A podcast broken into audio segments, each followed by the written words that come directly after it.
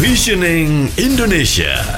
Cuk Sukiyadi Ekonom Universitas Airlangga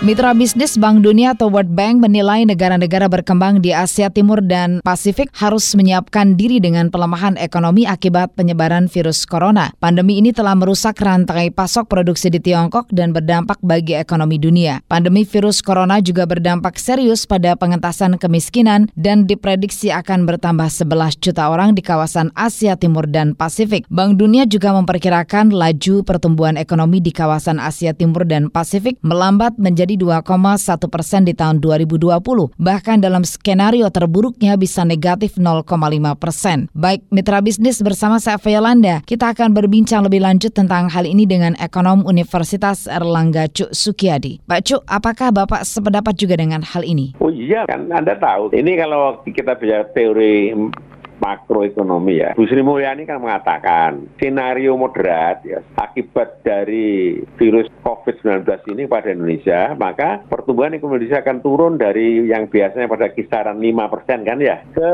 2,3 persen. Itu skenario moderat. Kalau skenario buruk bisa turun menjadi minus 0,4 persen. Coba Anda bayangkan. Ya kalau sekarang minus 0,4 persen, sedangkan penduduk kita tambahnya katakan saja satu persen. Ya jadi pasti pendapatan per kapita kita seluruhnya itu akan pemuda, akan turun, ya kan? Jadi pendapatan kita akan turun 1,4 persen. Semua, semua kita rata-rata begitu. Sekarang kita lihat, mungkin orang-orang yang memang bahkan ada orang-orang yang masih survive karena dia pinter ketika ada ini kemudian mungkin spekulasi dolar, dolarnya naik dia makin kaya bisa saja kan? Ada orang yang mungkin masih bisa lebih hebat karena memang pinter sehingga tapi yang menderita kan banyak. Orang-orang yang tidak mampu ya mengatasi kemunduran atau mundurnya tingkat pertumbuhan ekonomi ini kan banyak sekali yang berjuta-juta orang. Ya. jadi itu memang wajar gitu. Dan sudah kelihatan sekali kan kalau sekarang misalnya orang harus di PHK biasanya gajinya katakan UMR katakan UMR-nya 3 juta. Karena dia dapat